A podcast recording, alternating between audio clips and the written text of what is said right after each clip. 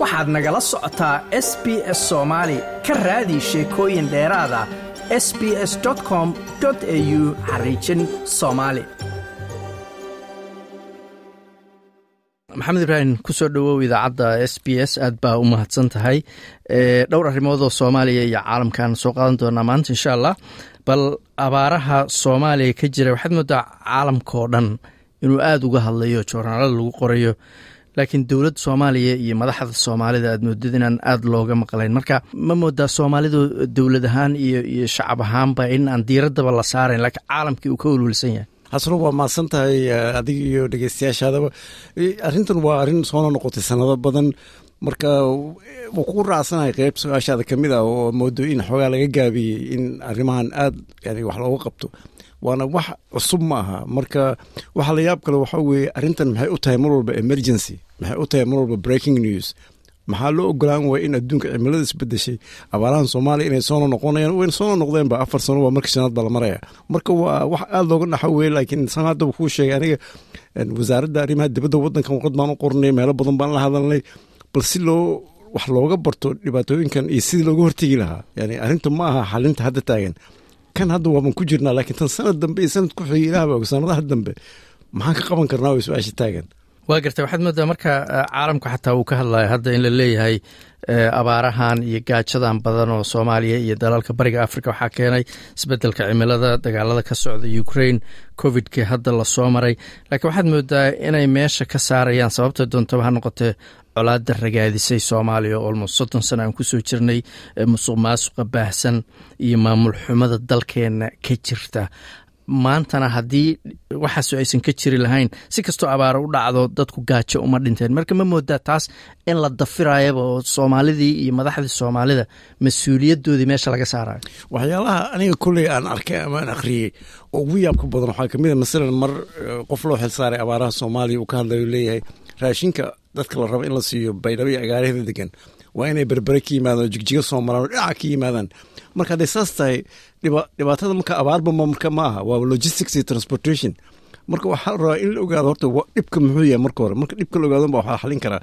Maalmahan dambe masalan waxaan maqlaynaa rooba ka badana ka da'ay masalan qardho kale ina leeyahay dad baa biyihii qaadeen haye su'aashii markii wixii la akhriyo oo la dirso waxaad arkaysaa dadka marka horeba maxay u deganayeen meel waadi ah. Yani marka su'aalihii dadka waxaa moodaa mararka qaarkood in maamulkii dowladda uu ka gaabinayo maamulidda meesha nafteeda. Ama su'aalihii meesha taagnaa ma su'aalo kale laga jawaabayo oon shuqulba ku lahayn marka taabaaba ugu yaab badan oon rabi lahaa aniga in focuska la saaro waa gartay wadanka sidoo kale waxaa ka socda dagaal baryahan al-shabaab looga soo horjeeday oo ay wadeen beelo ama macawisley kooxa loo bixiyey iyo taageero ay dowladda federaalka u siinayso guud ahaan. See u aragtaa dagaaladaas?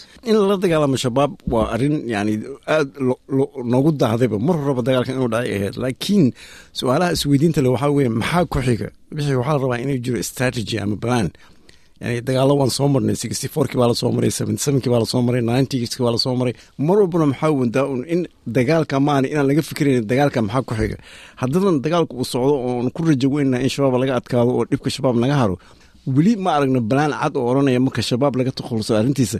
Waxaan ayaa ku xigi doona waana waxyaalaha ugu muhiimsan wey hadduun balaan jirin dan waxaad balaangaraynaysaa inaad feelgarowdo marka taa weytan aniga aad yani igu haysa murugta ma aha dagaalka keliya dagaalkan waa loo baahan yahay shabaab waa in laga adkaada ummadda soomaliya dhan waa ka qayb gashaa waa inaan la qabiilaynin waa inaan la gobolaynin waa in la yirahdaa ummadda soomaaliyada dhan ee nabadda jecel way ka soo horjeedaan dadkan nabadda rabin. Yani aniga waxaan odhan lahaa tiimka hala qaato hana lagu daro in laga fikiro maxaa ku xiga. Waa gartay marka markaad waxaad ka hadashtay istraatiijiyadda dowladda iyo sida dagaalkan ay u hogaaminaysa waxaad moodaa videoyo badan oo dad madaxo xildhibaano ah oo guddoomiyayaal gobolahoo kelmaddii qabiilka uu aada ugu badan yahay. Waxaan meel ka arkayey title lagu soo qoray mid ka mida warbaahinta waaweyn oo la leeyahay ciidamadii ugu badnaa oo reer hebel baa maanta garoonka diyaaradaha ka dhoofay. Marka ma moodaa xoogaa qabiilka in inkastoo dee dadka ay ku kaceen qabiil ahaanoo qabiil ahaan ay ku dagaalamayaan oo aan la xaqiri karin. Haddana ma moodaa in xoogaa qabiilkii iyo qabyaaladii la sii buunbuuninayo aniga arrintan qabiilka mar walba waxay ila tahay inay ahaato wax laga xishoodo runta haddii la sheego.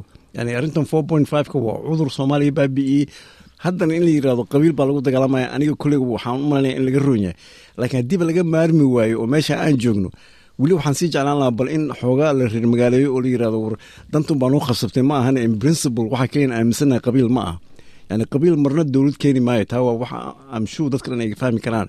Marka aniga kolley waxaan taaganaya lebalka ah in laga xishoodo qabiil in lagu dagaalamo laakiin haddii laga maarmi waaye in la reer magaaleeyo la yiraahdo okay waa wax short term ah laakiin ugu dambeyntii waxaan waa la qaramayn doonaa oo waxay noqon doontaa national issue. Waa gartay adduunka wararka ugu waaweynaa ayaamahan waxaa ka mid a ra'iisul wasaaraha cusub ee u k rishi sunak inuu yahay nin asalkiisu hindiya ka soo jeeda diinta hinduuga haysta waalidkiis africa ka yimaadeen waa markii ugu horreysay oo nin aan caddaan ahayn u k uu ra'iisul wasaare kaga noqdo. See u aragtaa doorashadiisa ama xulidiisa? Arrin xiise la weye infact arrintan waxay aada xiise u leedahay weliba dadka soomaaliya inay aada uga fekeraan oo refreshin ku sameeyaan. Waxay ku tusaysaa macnihii powerka ama xoogga ay leedahay waxbarashada aynan ku xirinayn qofka kararkiisii meeshuu ka yimid. Laakiin hadda arrintan aan sii dheerayno xoogaa discussionkan yani in qof hindi ah dhalashadiisa uu prime minister ka noqdo ingiriiska yani waa arrin yani sid loo firi lagu farxo oo la oran karo yani systemkii wuu saxmay. Laakiin haddaan aniga adiga hadda masal aan ka hadalna arrin kale oo soomaaliya haddaan iraahdo anoo soomaaliya yani adiga haddee marraba inaan four point five isla gaarno laakiin anigan kula hadlaya soomaaliya madaxweynena kama noqon karo prime ministerna kama noqon karo anoo soomaaliya bal arrintaa eeg. Yani waxaa laga yaabaa chanceska aan ku noqon karo prime minister waddanka australia inuu iga dhow yahayba inaan prime minister ku noqdo soomaaliya. Marka wax laga naxa maaha marka in anigoo soomaaliya oo magaaladan ku dhashay waddankan ku dhashay aan ka noqon karin prime minister aan ka noqon karin madaxweynena aan ka noqon karin. Why? Because of four point five. Laakiin waddankan aan joognay ani adiga aan dhalashiisa haysano ay nooga sahlantaha ama ay nooga dhowdahayba inaan ka noqono prime minister ama aan baarlamaankiisa galno marka bal arrintaa baan lahaa dadka soomaalida reflection ha ku sameyna ama ilmahan dhalna ee halkan ku nool ama wadamo kale ku nool inay ka noqdaan waddamada hogaamiyayaal laakiin waddankoodii ama waddankii aniga aan ku dhalanay aanan ka noqon karin. Yani bal arrintaa bal iyadana reflection inuu sameeya u baahantay. Iyadoo weliba meeyarka ama duqa magaalada london uu yahay nin asalkiisu bakistan ku soo jeeda soomaaliya oo kale sidee loo sixi karaa bay kula tahay? Sidee looga bixi karaa four point five kaas? Si dadka loogu xusho ama loogu doorto caqliyadooda iyo shakhsiyadooda iyo waxbarashadooda iyo dadnimadooda? Marar badan horena arrintan aniga waan isku soo qaadnay dad badan oo soomaaliyana waan ka wada hadlay meelo badan waan ku soo qornay. Saddex shiban bay ku soo noqonaysaa. Waxbarasho waxbarasho waxbarasho. Aqoon aqoon aqoon. Soomaaliya waxa hoos noo dhigay waxaa weye waxbarasho la'aan iyo aqoon la'aan. Haddii levelka aqoontaanadii waxbarashaanadu kor soo kici lahaa waxaanoo dhanba ma jiri lahayn waa loo gudbi lahaa waa loo gudbi lahaa in la xaagiro qof soomaaliya oo la yidhaahdo reerkaada kama dhalin saa darteed waddankan kama noqon kartid madax yani waxyaalaha laga xishoodo waxyaala aada looga naxa wey infact more aan ka fikiraba aniga oon refreshin ku sameeyaba waxaaban la yaabaaba xataa ku noqoshadaan soomaaliya ku noqono inay fikrad fiican ahaydba iyo inaysan ahayn. Marka haddaan soo koobo aqoon bay ku soo ururaysaa inta annaka da-daanada kule waaba sii soconaa laakiin kuwa naga dambeeya rajo badan baa jirta aqoonta leh inay arrimahan xaliyaan hadduu laa yiraahdo. Waa gartay magaalada muqdisho waxaa ka socda shirka madasha wadatashiga oo ay ka qayb galayaan madaxda dowladda federaalka iyo madaxda maamul goboleedyada maxaad is leedahay shirkaas ajendayaashiisu waayihiin waxa laga wada hadlayo ama maxaad is leedahay? Way ka soo bixi karaan. Marka la fiiriyo dhibaatooyinka wadanku marayo qaarkood hadda aan ka soo hadalnayo matalan arrimaha abaaraha iyo dagaalada al-shabaab iyo dhibaatooyinka gaajada iyo macaluusha wadanka jirta. In la wada hadlo mar walba way ka fiicantay inaan la wada hadlin. Marka horta intaas wax lagu farxo weye in la wada fadhiisto aragno madaxweynihii soomaaliya xasan sheekh iyo madaxweyne iyo governorski kale gobollada wada fadhiya wax lagu farxa weye aniga ereygan madaxweyne wuu idhibayaa marka gobolladoo dhan qof walba marka la yihahdo todoba madaxweyne ama sideed madaxweyne ayaa shiraya waa wax laga xishooda wey marka aan dhahno gobollada dadka madaxda ka ah ee governorska ama ama madaxda ka ah iyo madaxweynihii wadanka federaalka ah inay wada fadhiistaan arrin aada loogu farxo wey la wada hadlayn wax fiican wey laakiin waxa maqan waxa weeye ma hayno annaka yani maxaa laga wada hadlaya waa maxay ajendaha waxyaalo qoraali way yaryihiin waa in waxyaalahan social media aan ka akhriyayno. Marka waxaan odhan lahaa aniga s n t v iyo radio muqdisho roolkooda ha qaateen wasaaradda foofinta roolkeeda ha qaadato hana loo sheego ummadda soomaalida ee diasporada joogta ama kuwa gudahaba jooga inay ogaadaan maxaa laga wada hadlaya laakiin in la wada hadlo nafteedaaba aan ku faraxsanahayba aniga marka waaba waaba good outcome. Waa garta ugu dambeynta hadda madaxweyne xasan sheekh maxamuud iyo dowladdiisa may baa la doortay. Lix bilood ba hadda ku sii dhowdahay waqtigii ay xilka qabteen markaad fiirisid wixii u qabsoomay ama aan u qabsoomin maxaad is leedahay haddii aad macalin tahay oo ay ardaygaagi yihiin bunda intee leeg baad siin lahayd lixdaa bilood? Horta lix bilood wakti yar wey oo horta dowlad yani afar sana haysato lix bilood. Laakiin way ficnaale waxaa hadda dhacay wax ka badan inay sii dhacaan. Laakiin muhiimadda weyn waxaa weye de soomaaliya xaaladeeda waad ogtahay adigaba xaalado dhib badan baa lagu jiraa. Marka in madaxweynuhu wadamo badan tago inuu la shiro madax kale in yani dhibaatooyinka soomaaliya ka tagan dadka ay ogaadaan. Arrimahaas o dhan muhiim wey waxaase ka sii ficnaan lahayd institutionada dowladdu inay shaqeeyaan. Yani baarlamaanka waa inuu shaqeeya maxkamadihi waa inay shaqeeyaan. Laakiin hadda waxaan moodaa madaxweynihii iyo prime ministerku inay leeyahay meelaha bay tageen ama shirkaa qabteen maxaa ku dhacay baarlamaankii yani waay dadkii waddanka matalayay u fadhiisan layihiin maxay qabtaan? Wasiiradu maxay qabtaan? Golaha wasiiradu muxuu qabtaan marka aniga waxaan odhan lahaa dagaalkan ha socdo oo shabaab halala dagaalamo dowladdana ha shaqeyso institutionadan ha jireen oo ha shaqeeyaan.